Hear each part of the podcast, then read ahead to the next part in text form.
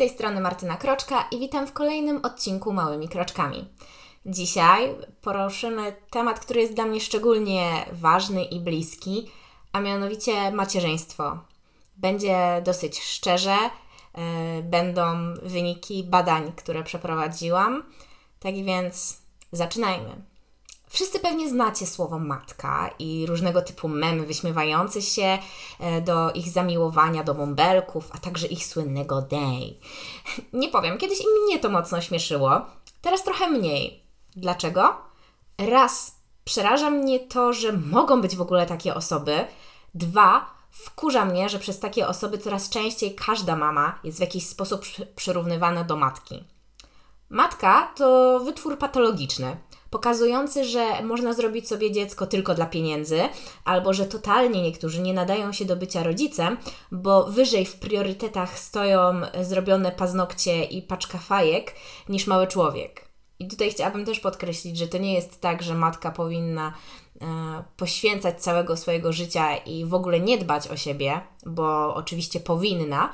Tylko tutaj chodzi mi już o taki skrajny przykład, gdzie jeżeli mamy do wyboru akcesoria dla dziecka, które są mu potrzebne, nie wiem, do szkoły czy cokolwiek takiego, to zamiast tego wolimy e, poświęcić e, kasę dla siebie. To jest właśnie ta taka patologia, o której mówię. No i właśnie przyrównywanie każdej mamy do matki, no bo nie jest idealna niczym z plakatu z lat 50., jest po prostu krzywdzące. Wychodzi się z założenia, że prawdziwa mama kocha bezgraniczne. Myśli tylko o dzieciach, nic tylko z nimi by się działa, zajmowała się, przy okazji jeszcze domem, była przy tym radosna, piękna, zadbana, bo przecież cały dzień siedzi w domu, no to chyba może się zająć sobą, prawda? Kiedyś kobiety przecież robiły takie rzeczy, niektóre współcześnie też, więc czemu ty kobieto nie mogłabyś być taka sama? No cóż, odpowiedź jest prosta i składa się z kilku rzeczy. Po pierwsze, każdy z nas jest inny. Inaczej działamy w stresie, w różnych warunkach, inaczej się zachowujemy, mówimy, wyglądamy. Więc skoro tak bardzo cenimy indywidualność i wyjątkowość, czemu każda mama ma być taka sama? By w razie czego, jak się dziecko pomyli czy zgubi, to żeby nie odczuło innej róż wielkiej różnicy po tym, jak inna mama go przygarnie? No chyba nie o to chodzi. Po drugie, ilość obowiązków, jakie wynikają z posiadania dziecka, jest ogromna i może przytłaczać. Niektóre kobiety stawiają jako priorytet wygląd domu czy własny, kosztem np. snu, jedzenia, rozwoju. Inne wolą mieć bałagan, może nie wyglądać jak milion dolarów, ale przespać się trochę, by móc dalej funkcjonować. Czy wystarczy być dobrze zorganizowanym, by wszystko ogarnąć? Cóż, dobra organizacja może wiele pomóc, ale jeśli chcemy prowadzić fajne życie, ładnie wyglądać, mieć zadbany dom, szczęśliwą rodzinę, być wyspanym i jeszcze nie wiadomo co, to samemu może być ciężko. Dlatego tak ważne jest, by mieć wsparcie, przede wszystkim w partnerze. Okej, okay, chodzi do pracy, zarabia, ale w przeciwieństwie do mamy może w spokoju coś zjeść, iść do łazienki, porozmawiać z kimś o czymś więcej niż zabawkach, bajkach, a jeszcze no, w ogóle może porozmawiać z kimś, kto składa jakiekolwiek zdania. Nie mówię, że chodzenie do pracy jest łatwe i przyjemne, ale że zajmowanie się domem i dziećmi też jest ciężkie. Praca zawodowa w większości przypadków ma swój początek i koniec, a potem do następnego dnia już ma się od niej święty spokój. W przypadku macierzyństwa, czy w sumie ogółem rodzicielstwa, to niekończący się dzień świra. Karmienie, przebieranie, karmienie, usypianie, karmienie, przebieranie, przebieranie, karmienie, zabawa.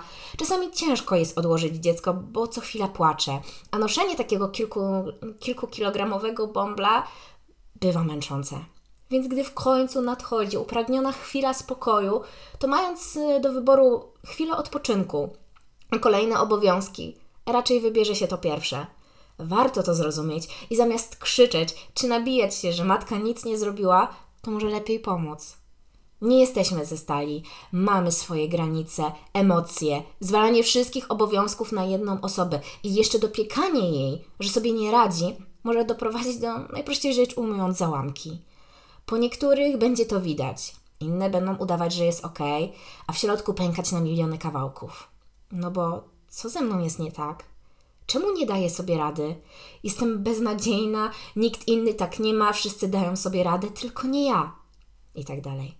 Nasze społeczeństwo wywiera za dużą presję na matkach.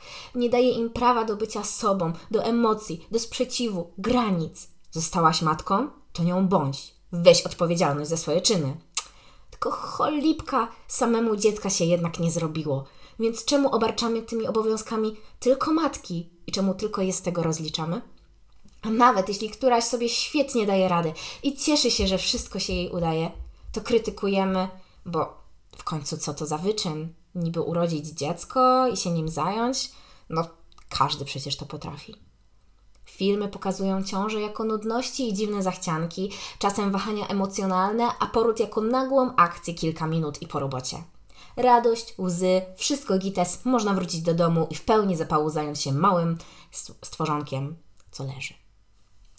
Nikt nie pokazuje jednak, że nudności mogą się zdarzyć wszędzie i o każdej porze, że łatwiej złapać infekcję, że, można że nie można stosować niektórych leków, nawet tych takich najzwyklejszych, że może boleć podbrzusze, że można mieć choroby ciążowe, jak na przykład cukrzyca, problemy z hormonami, ciśnieniem, że stanie w kolejce może męczyć, bo organy są stłoczone i ciężej się oddycha, że na tydzień przed porodem można mieć już skurcze, które będą boleć, mimo tego, że są nazywane przypowiadającymi że poród może trwać nawet dobę, że nie można przez ten czas nic jeść i pić. Teoretycznie się od tego odchodzi, ale w wielu szpitalach niestety nadal tak jest. Że podczas porodu się wymiotuje, popuszcza, boli tak, że chcesz umrzeć. W niektórych szpitalach nie może być osoba towarzysząca i trzeba to wszystko przeżywać samemu. W niektórych nie ma środków znieczulających. W niektórych nawet nie możesz sobie wybrać pozycji, w której chcesz rodzić że krocze, że krocze może pęknąć albo zostać nacięte, że blizny mogą się długo i boleśnie goić, że cesarka to operacja i wiążą się z nią pewne konsekwencje, że po porodzie można nie czuć miłości do dziecka i się nie cieszyć, że jest się tak padniętym, że tylko patrzy się w sufit, że nie można przez jakiś czas normalnie siedzieć, że skurcze czasami utrzymują się przez okres połogu, bo macica się obkurcza że wszystko może boleć, że mogą pojawić się powikłania, że karmienie piersią na początku nie jest łatwe i przyjemne, mogą być zastoje, rany, a przy tym wszystkim musisz ogarniać jeszcze nowego małego człowieka. Zmuszanie, by ktoś wbrew własnej woli robił to wszystko i przychodził, według mnie jest okrucieństwem. Niestety nasze społeczeństwo wymaga poświęcenia się, bo według nich w momencie, kiedy jest połączenie dwóch komórek, no to tracisz swoją osobowość i stajesz się tylko matką. A matki przecież muszą być idealne i zawsze się poświęcać. Żeby nie było, macierzyństwo czy ogółem rodzicielstwo jest czymś wyjątkowym, pełnym różnych emocji. Cieszę się, że jestem mamą i nie żałuję. I chciałabym być nią jeszcze raz, mimo tego, że wiele wysiłku to wymaga. I wiem, jakie to jest trudne. Ale to już jest moja świadoma decyzja. I mam to szczęście, że mimo wszystko mam wsparcie bliskich, nawet gdy oni są ode mnie daleko a to już jest luksus. Cieszy mnie to, że coraz więcej się mówi na temat e, rodzicielstwa świadomego. Dzięki temu matki wiedzą, że to nie jest tak, jak one sobie wyobraziły, że to nie jest, nie, one nie są takie beznadziejne, tylko po prostu jest tak ciężko. Poza tym wzrasta też świadomość społeczna, która trochę tą presję niweluje. I mam nadzieję, że właśnie też coraz więcej osób będzie się decydowało na dziecko, mając świadomość tych wszystkich konsekwencji, tych wszystkich trudów, a nie tylko dlatego, że po prostu taką ma zachciankę, ponieważ to jest duża odpowiedzialność. I teraz chciałabym przejść do tej ankiety, do tego badania, które przeprowadziłam. Tak więc stworzyłam ankietę, którą przeprowadziłam na Facebooku. Umieściłam ją na kilku forach dla mam, a także na swoim prywatnym profilu. Odzew był całkiem spory, a wyniki, cóż, z jednej strony niby nic zaskakującego dla mnie, bo wszak takie są realia, ale jednocześnie przykre jest to, jak wiele kobiet przechodzi takie problemy. Ogólnie uważam to badanie za bardzo udane, chociaż w głowie pojawia mi się coraz więcej pytań, o które chciałabym zapytać inne kobiety, i wiem, że to nie jest do końca wyczerpany temat. Ale może następnym razem coś więcej się uda. Tak więc może zacznijmy od metryczki, by poznać w ogóle, kto brał udział w tych e, badaniach. Tak więc odpowiedzi było 65. Uważam, że to jest całkiem niezły wynik jak na zbieranie ankiet przez dwa dni. Około 68% stanowiły kobiety w wieku 26-35 lat. To jest około 44 osób. Um, około tych 28%, czyli 18 osób, stanowiły y, kobiety w przedziale 36-45, a reszta, czyli 3 osoby, to było y, przedział 18-25. Około 86%, czyli 56 kobiet, stanowiły kobiety z wykształceniem wyższym, reszta z średnim. Co do miejscowości zamieszkania, no to powyżej 30% znajdowały się kobiety, które mieszkały w miastach powyżej 500 tysięcy mieszkańców, do 500 tysięcy mieszkańców było to 40%, e, z miejscowości do 1500, 1500 e, tysięcy mieszkańców to było niecałe 10%, e, no i z wsi było około 15%. Jeżeli chodzi o to, czym się zajmowały nasze odpowiadające, no to ponad 67% mówiło, że pracuje, 26% mówiło, że jest mamą na pełen etat, ale także znajdowały się odpowiedzi, że studiuje albo studiuje i pracuje. Ile razy byłaś w ciąży? Ponad 45% odpowiadało, że dwa razy, 27%, że 3 do 4 i 24, że 1%. Że, że jedno dziecko, przepraszam. Znajdowały się także odpowiedzi, że 5 i więcej razy. Natomiast ile rodziłaś razy, odpowiedź 5 i więcej już się nie pojawia. Ponad 50, e, równe 50% powiedziało, że rodziło dwa razy, a 30, trochę ponad 33, e, że raz. No i 16%, że 3 do 4. No i tutaj, jak właśnie wspomniałam, w odpowiedzi ile razy rodziłaś, nie ma odpowiedzi 5 i więcej, mimo tego, że pojawiała się taka odpowiedź w przypadku ile razy byłaś w ciąży. I chcę tutaj, żebyśmy też podkreślili, że poród, znaczy, że ciąża nie zawsze równa się e, porodem, i że no, to jest ciężkie i chciałabym, żeby te wszystkie mamy, które tu są, które to słyszą, które brały udział w tym badaniu, wiedziały, że no, mocno je przytulam i że w żaden sposób nie jest to ich wina, jeżeli straciły tą ciążę. Ale to już przejdźmy może trochę dalej. Mm, ogółem ankietę podzieliłam na pięć części. Pierwsza to była ciąża, druga poród, trzeci połóg, czwarty, y, połóg i pierwszy rok dziecka. Szczególnie ten pierwszy rok dziecka, na tym się bardziej skupiałam. Czwarty to metryczka, a piąty to bonus, o którym opowiem na końcu. Tak więc zacznijmy. Ciąża. Ponad 60% kobiet twierdzi, że dobrze znosiła ciążę. Niecałe 31% uważa, że źle. Reszta natomiast nie jest w stanie określić.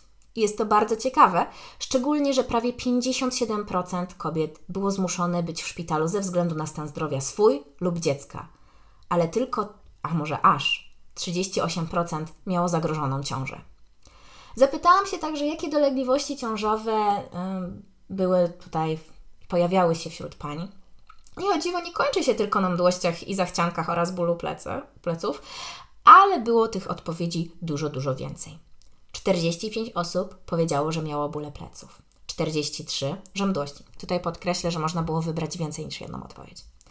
40 osób z gagę, 18 ból brzucha, 12 wymieniało częste infekcje, 10 osób wymieniało omdlenia, stracenia przytomności i tyle samo posiadanie cukrzycy w, e, ciążowej. To są najczęstsze dolegliwości, ale oprócz tego pojawiały się takie jak nadciśnienie, cholestaza, rwa kulszowa, niedoczynność tarczycy, krwawienie, bóle w pachwinie, bioder, miednicy, krocza, zespół niespokojnych nóg, problemy ze skórą, zakrzepica, obrzęki nóg, depresja, stres, migreny, problemy ze snem. To, co najczęściej pojawiało się przy pytaniu o to, co w ciąży było najgorsze, no to przede wszystkim powtarzały się te dolegliwości, które wcześniej wymieniałam, a także strach o dziecko. Czy jest aby na pewno zdrowe? Czy wszystko z nim ok? Trzecią, najczęstszą kategorią odpowiedzi było tycie.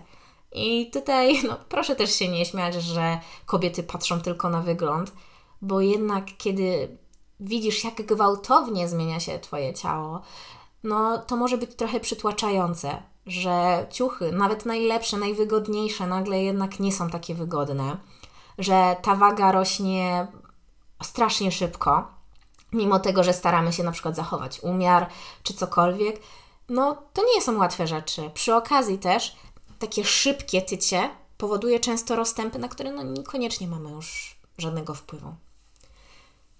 Ale żeby nie było, że się skupiam tylko na takich samych złych rzeczach, zapytałam się również o to, co było najlepsze w ciąży.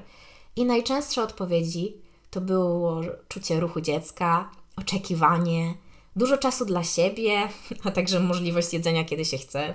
Doskonale rozumiem, też lubię jeść i to, to jest e, też bardzo ważne. Co do ruchów dziecka, sama pamiętam, jakie to było niezwykłe. Poczuć pierwszy raz. To była magia, coś niewyobrażalne. Nie wyobrażają, no nie dało się tego wyobrazić. Naprawdę cudowne uczucie. Potem, już jak dziecko było większe i kopało mocno po wszystkich organach, to już troszeczkę mniej, chociaż zdecydowanie wolałam, kiedy czułam te ruchy, niż jakaś była dłuższa przerwa, bo wtedy zaczynało się już myślenie, że ojeny, a coś jak, jeżeli coś mu jest, a, a wszystko z nim w porządku, jechać sprawdzić, a może nie, poczekam jeszcze chwilę, a co jeżeli będzie za późno? No to naprawdę może wydawać się dla kogoś z boku śmieszne, ale kiedy jesteś odpowiedzialny za osoby, których tak na dobrą sprawę nie widzisz, nie wiesz, czy to coś się dzieje, czy nie, w jaki sposób możesz pomóc, to ten lęk jednak ciągle gdzieś tam z tyłu jest. Ogółem większość kobiet ocenia swój stan psychiczny w czasie ciąży na bardzo dobry. 26% e, oceniło na 8 w skali 1 do 10, 18,5 na 9, około 14% na 10, poniżej 5 odpowiedziało tylko 6 kobiet, z czego żadna nie dała dwóch. To bardzo dobry wynik i sądzę, że mogło mieć na to wpływ, że prawie 80% kobiet miało wsparcie w czasie ciąży. Tylko 6 twierdzi, że nie. Pozostałe nie są w stanie odpowiedzieć. Pocieszający jest też fakt, że 80% z kobiet doświadczyło tego, że ktoś ustąpił im pierwszeństwa ze względu na ciążę. Myślę, że to jest dobry wynik. Mógłby być lepszy, dlatego apeluję, edukujmy innych, że kobiecie w ciąży jest ciężko i ustąpienie jej miejsca jest taką drobną, ale jednocześnie wielką pomocą. A jeśli ktoś się zastanawia, dlaczego powinien to robić, to proszę się troszeczkę cofnąć do tego, jak mówiłam o tych wszystkich dolegliwościach i pomyśleć sobie, jakby się czuło, jakby samemu to wszystko się miało i jeszcze trzeba byłoby stać w jakiejś kolejce czy stać w autobusie. Pomijając fakt, że stanie w środkach komunikacji jest po prostu niebezpieczne, ze względu na to, że kobieta w ciąży ma w innym miejscu środek ciężkości i jeżeli byłoby gwałtowne hamowanie, mogłaby polecieć do przodu i zrobić coś dziecku albo sobie. Zapytałam się też, czy będąc w ciąży czuły presję od innych, od społeczeństwa. Na szczęście nie wszystkie tego doświadczyły, ale jeśli już, to najczęściej wymieniane były typu po co ci kolejne dziecko? Zwłaszcza jeżeli kobieta um, urodziła co najmniej dwójkę dzieci. A przede wszystkim to, co się powtarzało najczęściej w odpowiedziach, to było, że ciąża to nie choroba i nie masz na co narzekać. Przecież takie dolegliwości są normalne, inne kobiety zawsze dawały radę i w ogóle o co ci chodzi. No i tutaj warto się zatrzymać, ponieważ zabranianie innym wyrażania swoich emocji, dzielenia się swoimi trudnościami sprawia, że potem tym bardziej nie chcemy się dzielić swoimi przemyśleniami. Trzymamy to wszystko w sobie, co się nawarstwia, dusimy, co może prowadzić do problemów, strachu, myśleniu, że jesteśmy niewystarczające, a nawet może i depresji. Tak więc proszę Was, ludzie, nie mówcie takich rzeczy nikomu, niezależnie czy to jest ciężarna, czy po prostu jakaś koleżanka, która ma gorszy okres, czy nawet kolega, tak? Zamiast mówić, nie narzekaj, lepiej okaż zrozumienie. Zapytaj się, jak możesz pomóc, albo po prostu przytul. To o wiele lepsze. Jeśli mówisz takie rzeczy, to nie dziw się, że nagle druga osoba już nie chce z Tobą nic mówić. Nie mówię, żeby skakać jak nad jakimś jajkiem i obchodzić się tak wszystko delikatnie. Czasami może i jest potrzebne jakieś bardziej sprowadzenie do ziemi, ale to przede wszystkim chodzi o to, żeby okazać zrozumienie. To według mnie jest dużo ważniejsze. Ostatni wynik z tej części e, to było, czy Twoje oczekiwania względem ciąży pokryły się z rzeczywistością. 40% odpowiedziało tak, a około 32% odpowiedziało, że nie. Reszta nie wie. Port. najgorsze doświadczenie, jakie w życiu miałam okazję przeżyć. Prosiłam, by mnie zabili, a poczułam się tragicznie. Ale o tym opowiem więcej. Przejdźmy do pytań. Niecałe 80% rodziło z partnerem i tylko niecałe 4% z jakąś inną osobą towarzyszącą. Jeśli chodzi o rodzenie w czasie COVID-u, odpo większość odpowiadających uniknęła tego losu. Jednak jeśli już któraś doświadczyła, to mówiły, że COVID zabrał im możliwość rodzenia, co było dla nich no wręcz, no może tak poniekąd traumą, że bardzo ciężko to przeżyły. I nie dziwię się, bo rodzenie z osobą towarzyszącą jest mega istotne i nie wyobrażam sobie rodzić sama. Ja podczas porodu dosłownie zapomniałam, jak się oddycha. Nie wiedziałam, jak się robi tak zwykłej, prozaicznej czynności. I mój mąż, który był obok, mi pokazywał, jak to się robi, bo ja już po prostu nie byłam w stanie o niczym myśleć. Był także moim łącznikiem między mną a personelem medycznym. Pomagał mi wstać, pomagał mi niwelować jakoś ten ból. Wspierał mnie, podawał mi wodę, no, był nieoceniony. I zgadzają się z tym także ankietowane, że jednak to, że ma się osobę towarzyszącą, jest niezwykle ważne, ponieważ właśnie daje to wsparcie, daje to poczucie bezpieczeństwa i spokoju, mobilizuje, jest właśnie tym łącznikiem, walczy o prawa matki rodzącej, co wbrew pozorom czasami, no jednak one nie są przestrzegane i trzeba coś zrobić, a mama, która rodzi, ostatnie o czym myśli, to jeszcze, żeby się o coś wykłócać. Pomaga radzić sobie z bólem, a także przede wszystkim, no przede wszystkim, to też jest bardzo ważna rzecz, widzi, jak dużo wysiłku to wymaga i ma trochę więcej może takiego, nazwijmy to, szacunku, że takie coś się jednak przeżyło. Tym bardziej, że poród nie jest chwilą. I chociaż no, zdarzają się takie wypadki, to jednak więcej przypadków jest dłuższych porodów. Zadałam pytanie, jak długo trwał Twój najdłuższy poród? I najdłuższa, od, znaczy no, odpowiedź, która e, pokazywała najdłuższą, najdłuższy czas, to było, uwaga, 5 dni. Kobieto, jak ja Ci współczuję, nie jestem w stanie sobie tego wyobrazić. Ja rodziłam 14 godzin i myślałam, że nie, wy, nie wytrzymam więcej.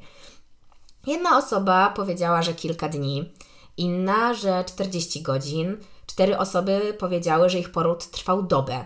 Jedna 22 godziny, dwie 20. Poniżej 20 do 15 godzin rodziło 6 kobiet.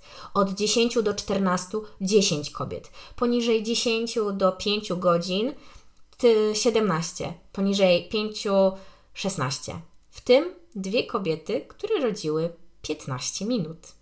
Nie wiem, jak Wy to zrobiłyście, ale to też nie jest takie zupełnie dobre, żeby rodzić w 15 minut, ze względu na to, nie żebym ja miała do Was pretensje, to nie. Chodzi mi o to, żeby uświadomić o tym, że taki nagły poród, takie nagłe wyjście, no też jest, e, może mieć konsekwencje zdrowotne po prostu dla mamy, która mogła po prostu e, albo wcześniej nie zauważyć tego, że już poród się zaczął, albo jeżeli faktycznie akcja jest taka nagła, no to może się nawet związać z pęknięciem.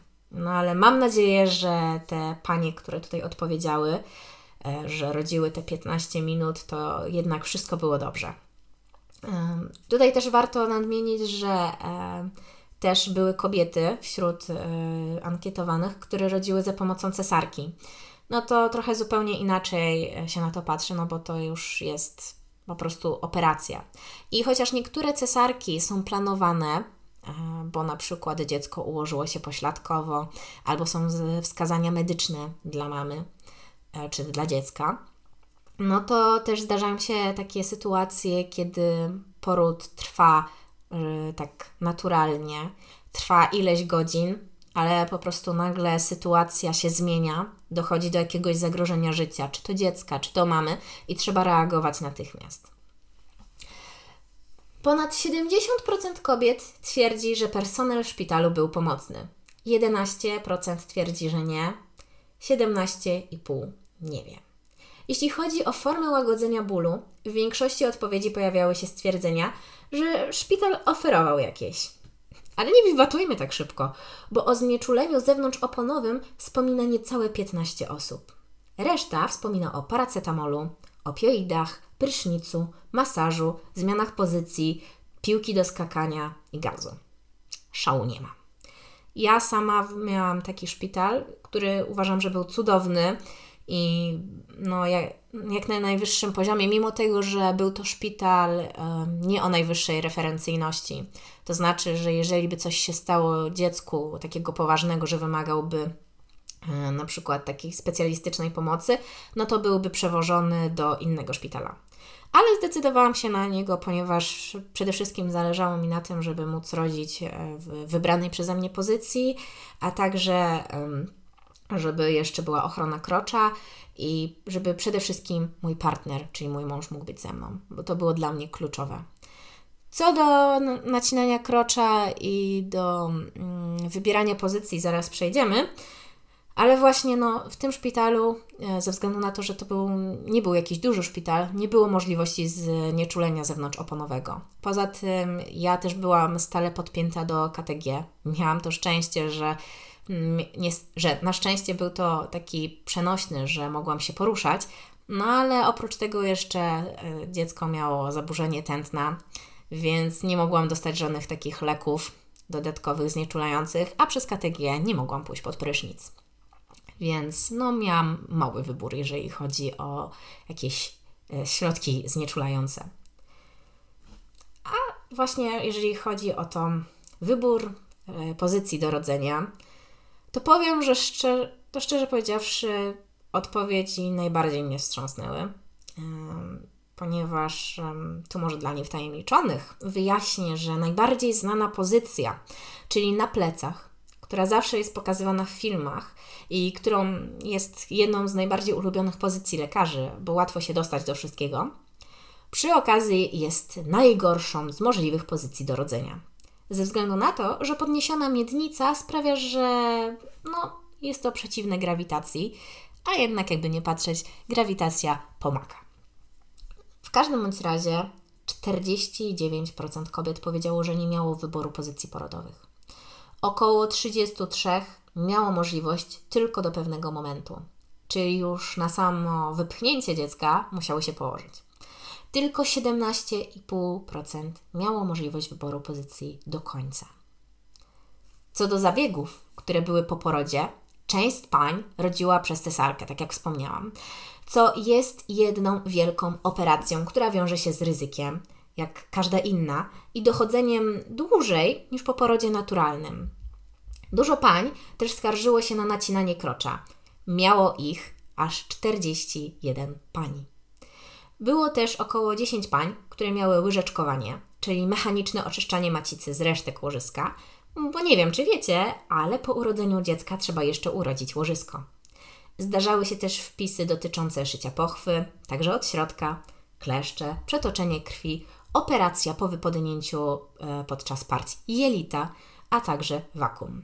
Ja sama miałam wakum, bo synowi spadło niebezpiecznie tętno, a na cesarkę było już za późno. I no, miałam tego pecha, że przy nacinaniu 3 na 4 pary nożyczek było tępych i trzeba było je wymieniać i próbować, aż w końcu się udało. To, co kobiety czuły podczas porodu, to przede wszystkim ból i strach. Nie dziwię się. Ja krzyczałam, by mnie zabili i obstawiam, że cała miejscowość i jeszcze miejscowość sąsiednia to słyszały.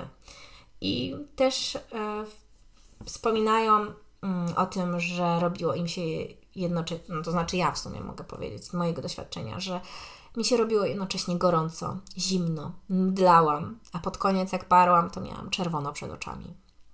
No, co do tego, co jeszcze było wspominane, to właśnie to uczucie, jakby się umierało. I też, że chciałyby się to skończyło, bały się o siebie, bały się o swoje dziecko.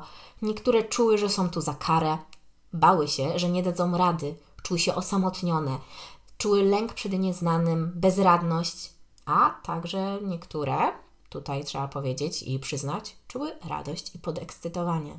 Więc to naprawdę bardzo jest zróżnicowane. Ponad 50% kobiet uważa, że poród był gorszy niż się spodziewały. Nie dziwię się, bo w sumie skąd miały niby to wiedzieć, gdy nadal o poradach rzadko się mówi. W popkulturze pokazywane są jako proste i szybkie, chociaż bolesne, a na szkołę rodzenia nie każdy chodzi. To, co dla ankietowanych było najgorsze, to przede wszystkim ból. Potem brak wsparcia i tłumaczenia, co się dzieje. Strach, wymioty, utrata sił, zmęczenie, pęknięcie, parcie, lęk przed nieznanym. Większość pań, które otrzymały swoje dzieci po porodzie, czuło radość, szczęście, miłość i ulgę. Ale niektóre niepewność, poczucie, że powinna coś czuć, a nie czuje. Doskonale to rozumiem. Sama jak dostałam dziecko, nic nie czułam. Wiedziałam, że powinnam coś zrobić, więc głaskałam syna machinalnie, mówiąc, że jest wszystko ok. Nie wiem, kogo bardziej uspokajałam. Syn był ze mną tylko 10 minut. Potem trafił do inkubatora i przez następne kilka godzin go nie widziałam. Nie czułam nic, tylko pustkę.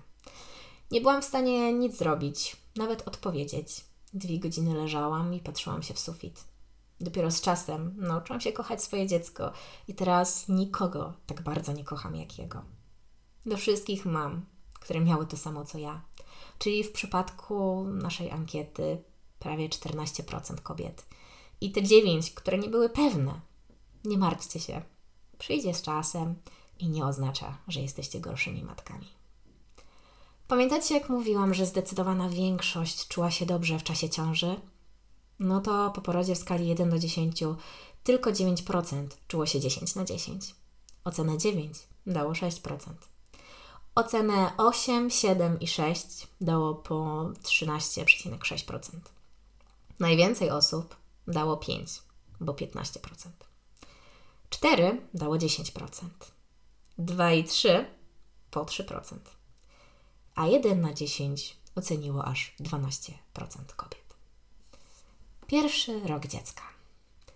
Około 60% bliskich miało wsparcie, znaczy około 60% kobiet miało wsparcie bliskich podczas pierwszego roku życia, gdzie w ciąży wsparcie otrzymywało prawie 80%, a ponad 22% nie wie, czy otrzymało jakiekolwiek wsparcie.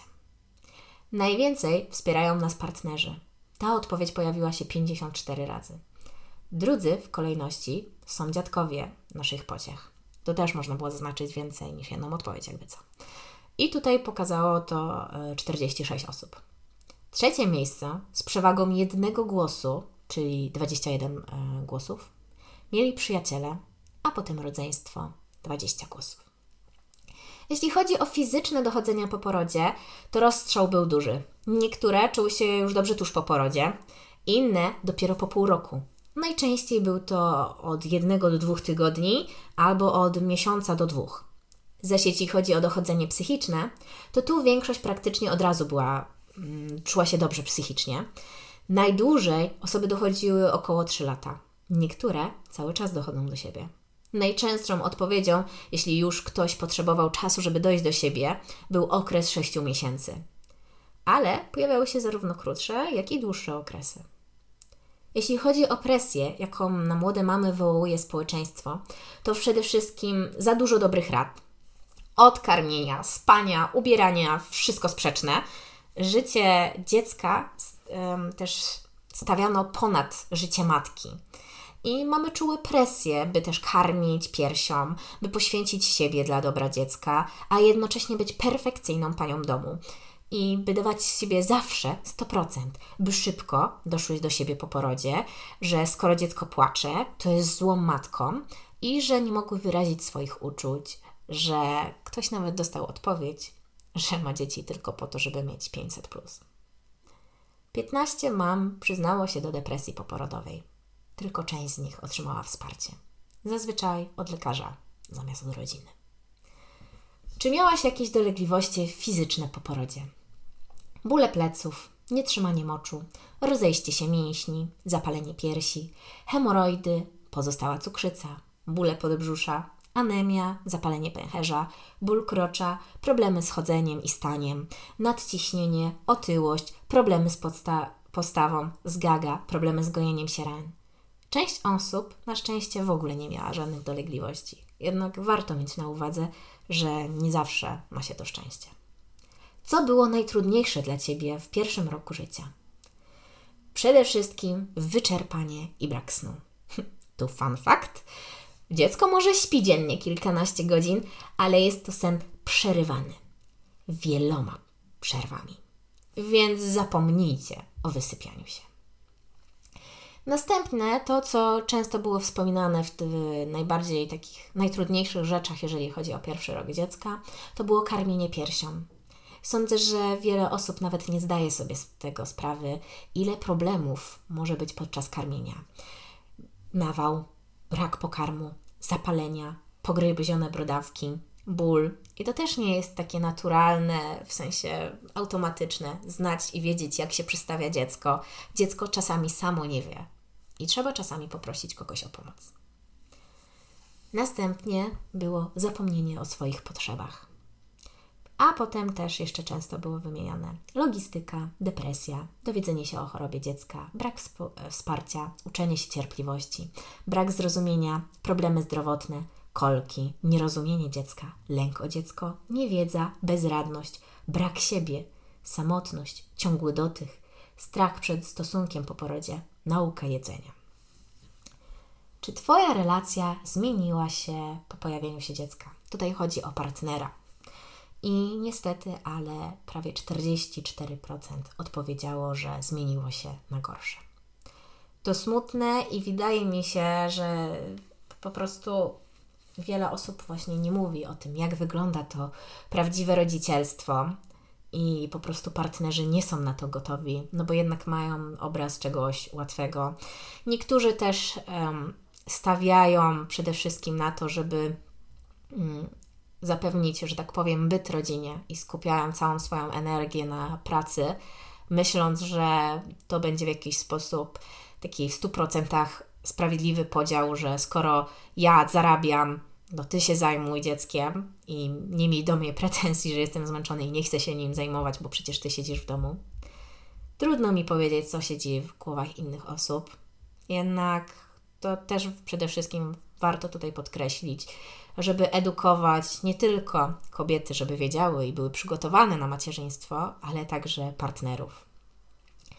Niecałe 20% powiedziało, że zmieniło się na lepsze. Niecałe 23% że bez zmian, a około 14% nie wie. Najtrudniejsze w byciu mamą jest cierpliwość, ciągle poczucie bycie pouczaną, bycie w ciągłej gotowości, brak odpoczynku, sprostanie wymagań, wszystko. Odpowiedzialność za dziecko, bycie wzorem, brak sił, poczucie winy, że nie jest się wystarczającym, brak starej siebie, dzielenie się między byciem mamą a żoną, bycie konsekwentną, stres, choroby, bycie samotną mamą, brak czasu dla siebie, bezsilność, brak specjalistów, brak własnego życia, rezygnowanie ze swoich potrzeb, nadmiar obowiązków i bunt. Co jest najlepsze? Jednoznacznie miłość dziecka. Jego uśmiech, słowa kocham cię i wszystko, co jest z tym związane. A także podały odpowiedź, że cisza kiedy śpią. Prawie 50% kobiet nie wyobrażało sobie tak pierwszego roku dziecka. Tylko 34% e, no, miały taką wizję wspólną, e, taką zgodną z rzeczywistością. Ponad 50% kobiet zazdrościło koleżance, myśląc, że radzi sobie lepiej. Około 41,5% nie miało tak. Większość uważa, że internet przekłamuje macierzyństwo w niemal każdym aspekcie. Około 17% mam żałowały, że urodziły swoje dzieci. Około 9% myśli, że mo może żałowały. Prawie porówno, jeśli chodzi o powiedzenie komuś o swoich uczuciach, niepewnościach, samotności i tym podobne. Niestety część osób, które powiedziały takie rzeczy, nie znalazły wsparcia. Te, które nie mówiły, bały się z kolei, że będą oceniane, nie chciały wyjść na gorsze i twierdziły, że przecież nie ma się czym chwalić najgorsze zdanie, jakie może usłyszeć każda mama, to weź się w garść. Co marudzisz? Inni mają gorzej. Większość osób usłyszała chociaż raz ten tekst w życiu i tylko cztery panie odpowiedziały, że im pomogło. Z czego dwie stwierdziły, że tylko trochę. I tutaj, jak wcześniej mówiłam, no, mówienie o tym, że zabranianie komuś że do wyrażania swoich emocji i uczuć, no, może mieć tylko negatywne skutki. I tak jak powiedziałam wcześniej, nie chodzi o to, żeby się rozczulać nad kimś, ale by okazać zrozumienie i może w jakiś sposób pomóc. Co byś powiedziała sobie sprzed ciąży? Zmień szpital, w którym będziesz rodzić. Bierz pigułki, nie spiesz się, ciesz się chwilami. Czeka cię inne, lepsze życie. Delektuj się wolnością i snem. Dużo cierpliwości. Wyluzuj. Daj sobie pomóc. Poród nie jest taki straszny. Tutaj zazdroszczę takiego doświadczenia. Słuchaj siebie i swojego organizmu. Nie słuchaj rad innych. Znajdź innego ojca dla dziecka. Warto. Dasz radę. Więcej wiary w siebie. Nie jedz tyle po ciąży. Pozwól sobie być nieidealną. Wszystko się zmieni. Skup się na sobie i swoich potrzebach. Szczęśliwa mama to szczęśliwe dziecko. Nie będzie łatwo. Wszystko mija. Nie spiesz się z drugą ciążą. Jest hardkorowo. Nie musisz wszystkiego wiedzieć od początku. Dasz radę. Zadbaj o dużo wsparcia.